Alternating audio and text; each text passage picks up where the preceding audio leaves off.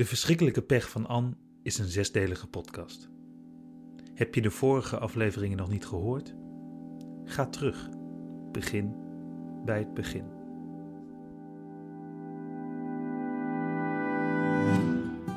Broer. Op de avond dat het gebeurde had ik papa meegenomen. Gewoon een avondje uit. Niks bijzonders. Het was eigenlijk best gezellig. We gingen bowlen. Twee uurtjes of zo. Ik herinner me dat ik twee biertjes bestelde bij de bar. Een beetje verscholen tussen de flessen hing een kleine tv. Het geluid stond niet aan. Terwijl de barman tapte, volgde ik uit een ooghoek het beeld. Ik zag dat er iets gebeurd was. Iets ergs. Ik nam de glazen aan van de barman. Ik besteedde verder geen aandacht meer aan wat ik op het scherm had gezien. Nog altijd schaam ik me hoe makkelijk ik er overheen stapte. Het was de zoveelste. Je sluit je ogen. Na het bolen zijn pap en ik naar de Engelse pub gegaan. Vreemd eigenlijk dat daar niet ergens een televisie aan stond. Het deed pap zichtbaar goed om even onder de mensen te komen. Of hij hield zich een beetje groot, dat kan ook. Het werd nog best laat. Het is één jaar na de feiten. Eén jaar na die avond die ons nationale trauma zou worden. Voorgoed in het collectieve geheugen gegrift. Of geramd eigenlijk. In deze zesdelige podcastserie vertellen we het verhaal van Anne. En op de achtergrond reconstrueren we nog één keer die avond. Let op, dit is geen true crime podcast.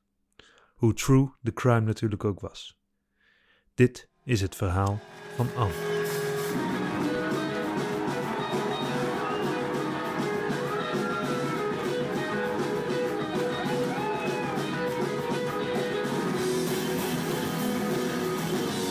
Dit is aflevering 5. Die avond. We waren vroeg bij die concertzaal, zoals altijd. Een beetje te vroeg misschien, ook zoals altijd. Dat kwam door jou, Anne. Je hield ervan om op tijd te zijn. Jij wilde rustig de tijd hebben om een mooie plek uit te zoeken. Dat was nog geen sinecure. Niet te ver van de bar, niet te dicht bij de bar, niet te ver van het podium, niet te dichtbij. Jij wilde ruimte om te kunnen bewegen. Je vakje, je vierkante meter. Je wilde daar op tijd staan, zodat je de ruimte en de sfeer een beetje in je op kon nemen. Aarde noemen sommige mensen dat. We vonden een perfecte plek die aan al jouw eisen voldeed. De zaal liep al vroeg vol. Het was uitverkocht. Broer. Toen we de pub verlieten, hield pap een taxi aan. We waren met de fiets gekomen en hadden prima terug kunnen fietsen. We dronken niet te veel en ver fietsen was het natuurlijk ook niet. Ik denk zelfs dat we met de taxi niet per se sneller waren. Maar dat pap die taxi aanhield was spontaan en vrolijk en dat wilde ik niet afremmen. Zeker niet omdat ik al zo lang wilde dat hij weer wat vrolijker werd. Ik ben ingestapt en we lieten ons thuis brengen.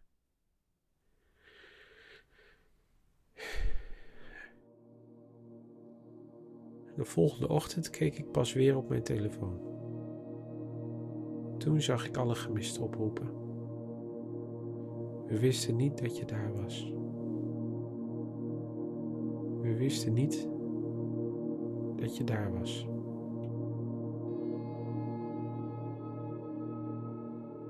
Margot. De politie heeft hem ingerekend. Eindelijk. Hij had zich verscholen, dichtbij waar het allemaal gebeurde. Hij had een schuilplaats, een paar honderd meter van de concertzaal vandaan. Dichterbij dan waar de politie verwachtte hem te vinden. Ze waren hem voorbijgerend in hun klopjacht. Daarom duurde het langer voordat ze hem vonden. Hij handelde alleen, denken ze. Yvette. Het concert begon om acht uur. Stipt. Daar hield je van. Of, nou ja, je had er een hekel aan wanneer het niet gebeurde. Dat lijkt me nog altijd ongeveer hetzelfde. Samen maakten we twee keer mee dat een band de aanvangstijd negeerde en doodgemodereerd een uur te laat opkwam. Dat zou ik normaal al lang vergeten zijn. Het waren uiteindelijk leuke optredens. En het was een avondje uit, dus wat maakte dat uurtje uit? Maar ik weet het nog, omdat jij er zo geïrriteerd door kon zijn. Naast die twee keer dat die band dus te laat kwam, zag ik je eigenlijk nooit geïrriteerd. Je voeterde, half tegen mij, half tegen het lege podium. Dat je ervoor had betaald. Dat ze op zijn minst op tijd konden beginnen. Dat het een kinderachtige kutband was. Je was schattig als je bozig was. En knap. Ik herinner me dat jij vond dat we eigenlijk met z'n allen gewoon weg moesten gaan als een band het vertikte om op tijd te beginnen. Waren we die avond dat het gebeurde, maar voortijdig weggegaan. Allemaal. We bleven. Hoe konden we beter weten? Ze kwamen klokslag acht uur op. Vrolijk, groetend. Zij wisten ook niet hoe de avond zou veranderen. Ze moesten er een beetje inkomen. De vonk naar het publiek sloeg niet direct over. Het ging stroef en het was hard werken voor ze tijdens de eerste twee nummers. Dat kwam ook door de zaal. Het was behoorlijk donker en de lichtshow was op zijn zachtst gezegd sober. De band had zelf niets geregeld, blijkbaar. En de zaal had ook geen moeite gedaan om een lichtvrijwilliger of zo te regelen, terwijl het optreden toch was uitverkocht. Er draaide een vol automatisch belichtingsprogramma. Blauw licht, groen licht en bij pieken in het volume rood licht. Het licht danste wel enigszins ritmisch door de zaal, maar er leek nauwelijks verband te zijn met wat de band deed. Tijdens het derde nummer kwam het publiek wat los. Ik weet ook niet precies waarom ik dit soort details heb onthouden. Om ons heen zongen mensen mee, er werd uitbundiger bewogen. Ik herinner me dat ik opluchting zag op de gezichten van de bandleden. Het bleef donker, het bleef slecht belicht, maar er viel zichtbaar iets van hun schouders. Langzaamaan kwam er iets in de lucht te hangen. Energie, concentratie, ik weet niet hoe ik het noemen moet. De wereld begon steeds meer om die plek te draaien, om dat moment. Alles buiten die zaal deed er even niet meer toe. Tot buiten binnenkwam. Jij danste zoals alleen jij danst, zonder enig schroom, zonder enige behoefte je te verantwoorden, zonder gezien te hoeven worden. Ik ben zo verliefd op jou als ik je zie dansen. Je bent dan zo vrij, Broer, Ik heb de arts gesproken. Er is eigenlijk geen kans op herstel aan. Je wordt kunstmatig in leven gehouden. Er is eigenlijk geen kans op herstel. Margot. Ik heb voor je gebeden toen ik daar aan je bed zat. Maar ik herinner me dat ik eigenlijk voor het eerst bang was dat ik mogelijk bad uit gewoonte. Dat ik dat deed omdat ik nou eenmaal is wat ik doe. Ik voelde minder overtuiging, terwijl ik juist op zo'n moment, wanneer de nood zo hoog is, meer zou moeten voelen. Ik sprak wel tegen God, maar ik durfde jou niet in zijn handen te leggen. Ik wist niet of ik dat wel mocht doen, of jij dat wel wilde. Heel eerlijk, dat wist ik eigenlijk wel. Jij, Anne, werd gelukkiger toen je je vrijmaakte. Van mij en van mijn idealen. En eigenlijk, ik wist voor het eerst ook niet of ik het wel wilde, of ik je lot wel in de handen van God wilde leggen. Ik heb altijd gebeden omdat het goed voelde, omdat het fijn was om mijn leven te delen. En hoe meer ik bad, hoe meer ik voelde dat er geluisterd werd. Ik vond troost als ik troost zocht. Ik voelde meer en meer dat er een hogere macht is en dat we ons leven leven om bij Hem te komen. Daarom ben ik ook nooit bang geweest om te sterven, omdat ik er oprecht niets ergs in zag. Eerder een beloning. Toen ik jonger was, heb ik een beeld van de hemel gezien, in een droom. En ook al was het een droom, ik zag het zoals het is. Echt. En misschien moet ik het geen beeld noemen, maar een ervaring. Ik heb vaak geprobeerd uit te leggen wat ik meemaakte. En daarmee dus woorden te geven aan een ervaring waar ik geen woorden voor heb. Ik heb proberen uit te leggen dat ik denk dat ik weet hoe het is. En waarom we dus niet bang hoeven te zijn om daarheen te gaan. Zo eenvoudig is die uitleg niet. Vraag je vader maar. Hij heeft me jaren gehaat om mijn ideeën over de hemel. En waarschijnlijk was dat terecht. Ik kan wel denken dat ik weet hoe de hemel in elkaar zit, maar ik heb veel moeten leren. Over hoe je mensen daarover vertelt. Moeten leren timen over wanneer je mensen daarover vertelt. En leren om bereid te zijn te twijfelen aan mijn ervaring. Ik bedoel, ik heb moeten leren te omarmen dat wat ik zie als waarheid niet voor iedereen de waarheid is. Ik leerde voor jou, aan dat ik geen gelijk heb. Al heb ik ook geen ongelijk. Ik heb lang gesproken met Margot over haar droom, eh, haar ervaring. Het was heel stil. Een prachtige, kalmerende stilte. Het is zo moeilijk om onder woorden te brengen. Ze zoekt zorgvuldig naar woorden als we het erover hebben. Veel meer dan ik van haar gewend ben. Of nou ja, gewend in, in die paar uur die we dan samen doorbrachten om deze podcast op te nemen. Weegt ze haar woorden. Als ze toch een poging doet om onder woorden te brengen wat ze heeft ervaren, noemt ze het een totale onderdompeling in helderheid, in, in liefde. Ik denk dat een ongrijpbaar begrip als een ziel nog het best past bij, bij haar ervaring van de hemel. Ze noemt het steeds een ervaring als ze het erover heeft. Geen beeld. Ze heeft niet gezien hoe de hemel eruit ziet, zou je kunnen zeggen. Die, die onderdompeling was abstracter. Het was meer worden of zijn. Ik was liefde. Ik was helderheid. Ik zag of voelde het niet alleen, ik werd er onderdeel van. Zo mooi, zo eeuwig. Een gevoel alsof ik er altijd was en ik er altijd zal zijn. Dat op aarde, dat was maar even. En zoiets als een lichaam, het, het doet er eigenlijk niet meer toe. Het maakt niet uit of je lichaam oud of jong is. Of vol gaten. Ik was liefde. Het was deel van mij. Al was het in een droom, ik heb altijd geweten dat ik een transcendente ervaring had. Een goddelijke ervaring. En vanuit die gedachte heb ik veel gereageerd en geredeneerd. Voor mij was het bewijs voor het pad wat ik volgde. Bewijs voordat ik het juiste pad volgde. Mijn geloof heeft altijd meer gevoeld als weten dan geloven. Maar in de uren naast Ans bed heb ik me ook gerealiseerd dat ik altijd voldoende afstand heb gehad van leed om zorgeloos te kunnen geloven. Als het leven relatief onschuldig verloopt, is het niet heel moeilijk om te geloven. Maar toen het die nacht zo dichtbij kwam, toen ik het kwaad van zo dichtbij zag, toen lukte het me niet.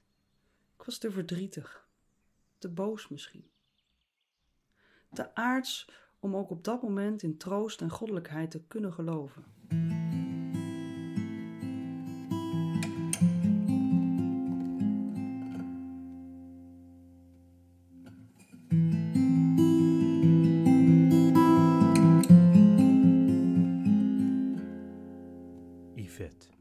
Het was dringen om tussen de mensen door terug te komen naar onze plek.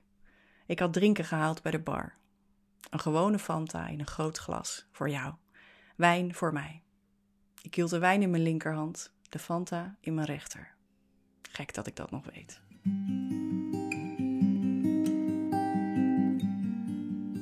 Ik bekeek je van een afstandje, tussen de mensen door.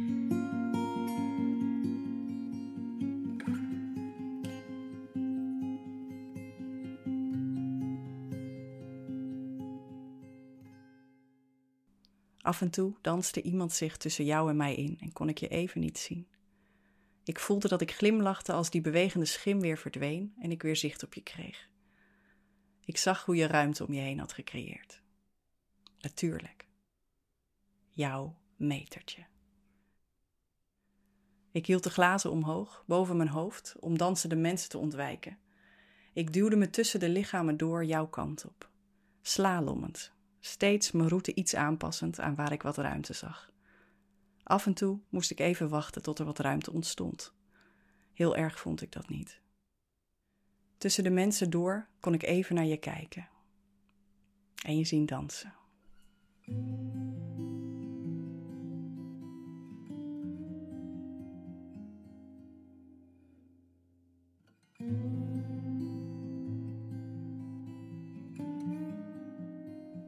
Gebeurde, het gebeurde precies op een van die momenten dat ik even stilstond. Op een moment dat ik tussen een groep mensen in even geen kant op kon.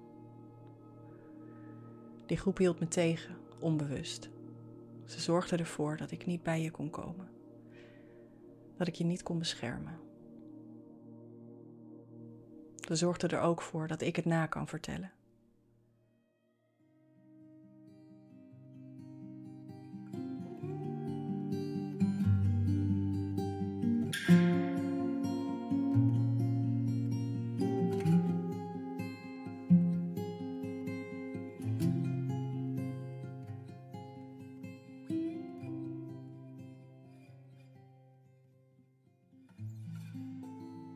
Podium was links van me.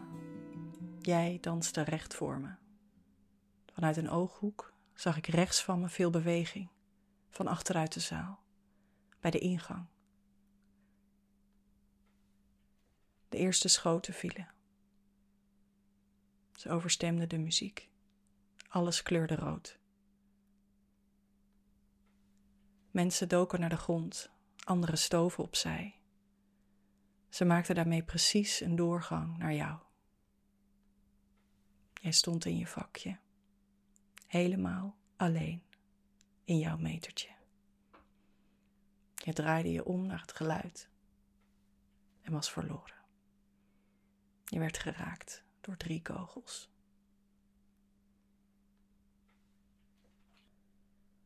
Alles leek stil te vallen, te vertragen. Ik zag hoe je in elkaar zakte. Eerst door je knieën, één hand aan de grond. Je leek me te zoeken. Ik wilde je naam roepen, maar er kwam geen geluid uit. Ik bleef stokstijf staan. Ik weet niet hoe lang. Vlak voor me werd iemand geraakt. Ik werd naar de grond getrokken. Ik weet niet door wie. Iemand zei me stil te blijven liggen, misschien zelfs te doen of ik dood was. Ik moest naar je blijven kijken.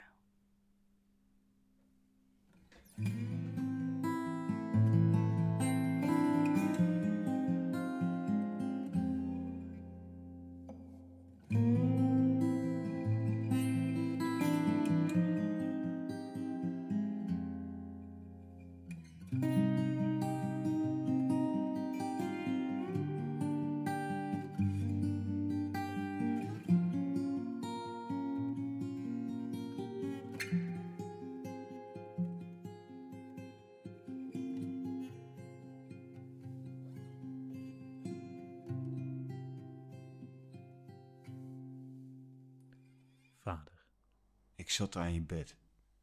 Je broer zat vaak bij me.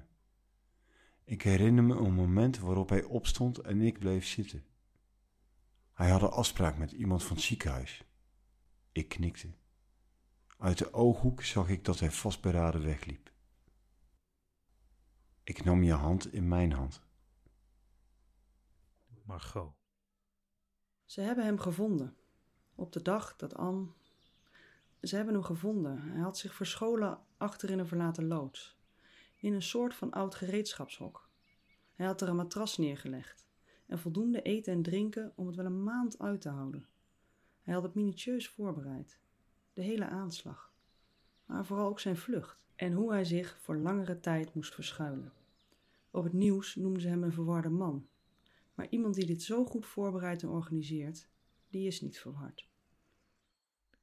vader, Ik hoorde wat Margot vertelde terwijl ze aan je bed zat. En ik hoorde haar twijfel. Ik ben altijd zo kwaad op haar geweest, juist omdat ze geen twijfel leek te hebben. Omdat ze zo'n gevoel van de waarheid in pachten uitstraalde. Ik heb gehoord hoe zij de situatie met mam uitlegde. En ik voelde dat ze oprecht was. Ik begrijp nu pas dat zij het ook niet goed wist. Ja, ik wil met haar praten en dat zal ik ook doen. Al vind ik het onmoeilijk, omdat ik zo boos op haar ben geweest. Misschien moet ik haar gewoon alleen knuffelen en hoef ik niets te zeggen. Zoals jij ook zo vaak bij mij deed, Anne. Yvette. Hij vluchtte. Hij vluchtte naar buiten, door dezelfde deur als hij gekomen was. Hoorde schoten in de foyer. En toen werd het stil. Oorverdovend stil. Op handen en voeten kroop ik naar je toe.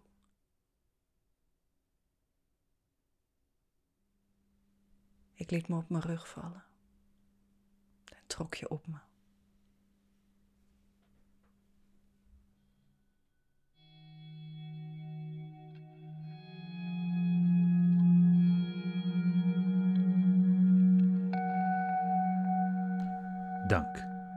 Over twee weken de slotaflevering. Weet je wat het is? En misschien moet ik dit helemaal niet vertellen, omdat iedere keer als ik dit bespreek het me gedoe oplevert. Te vaak werd me verweten dat ik die vreselijke avond probeerde te bagatelliseren. Dat is geen sinds wat ik probeer. Wat er gebeurde is barbaars en vreselijk, maar vooral verschrikkelijke pech. Meer over de verschrikkelijke pech van Anne, zoals directe links, achtergronden en contact, vind je op deverschrikkelijkepechvananne.nl. Volgen via sociale media kan natuurlijk ook. Zoek de verschrikkelijke pech van Anne via Instagram en Facebook.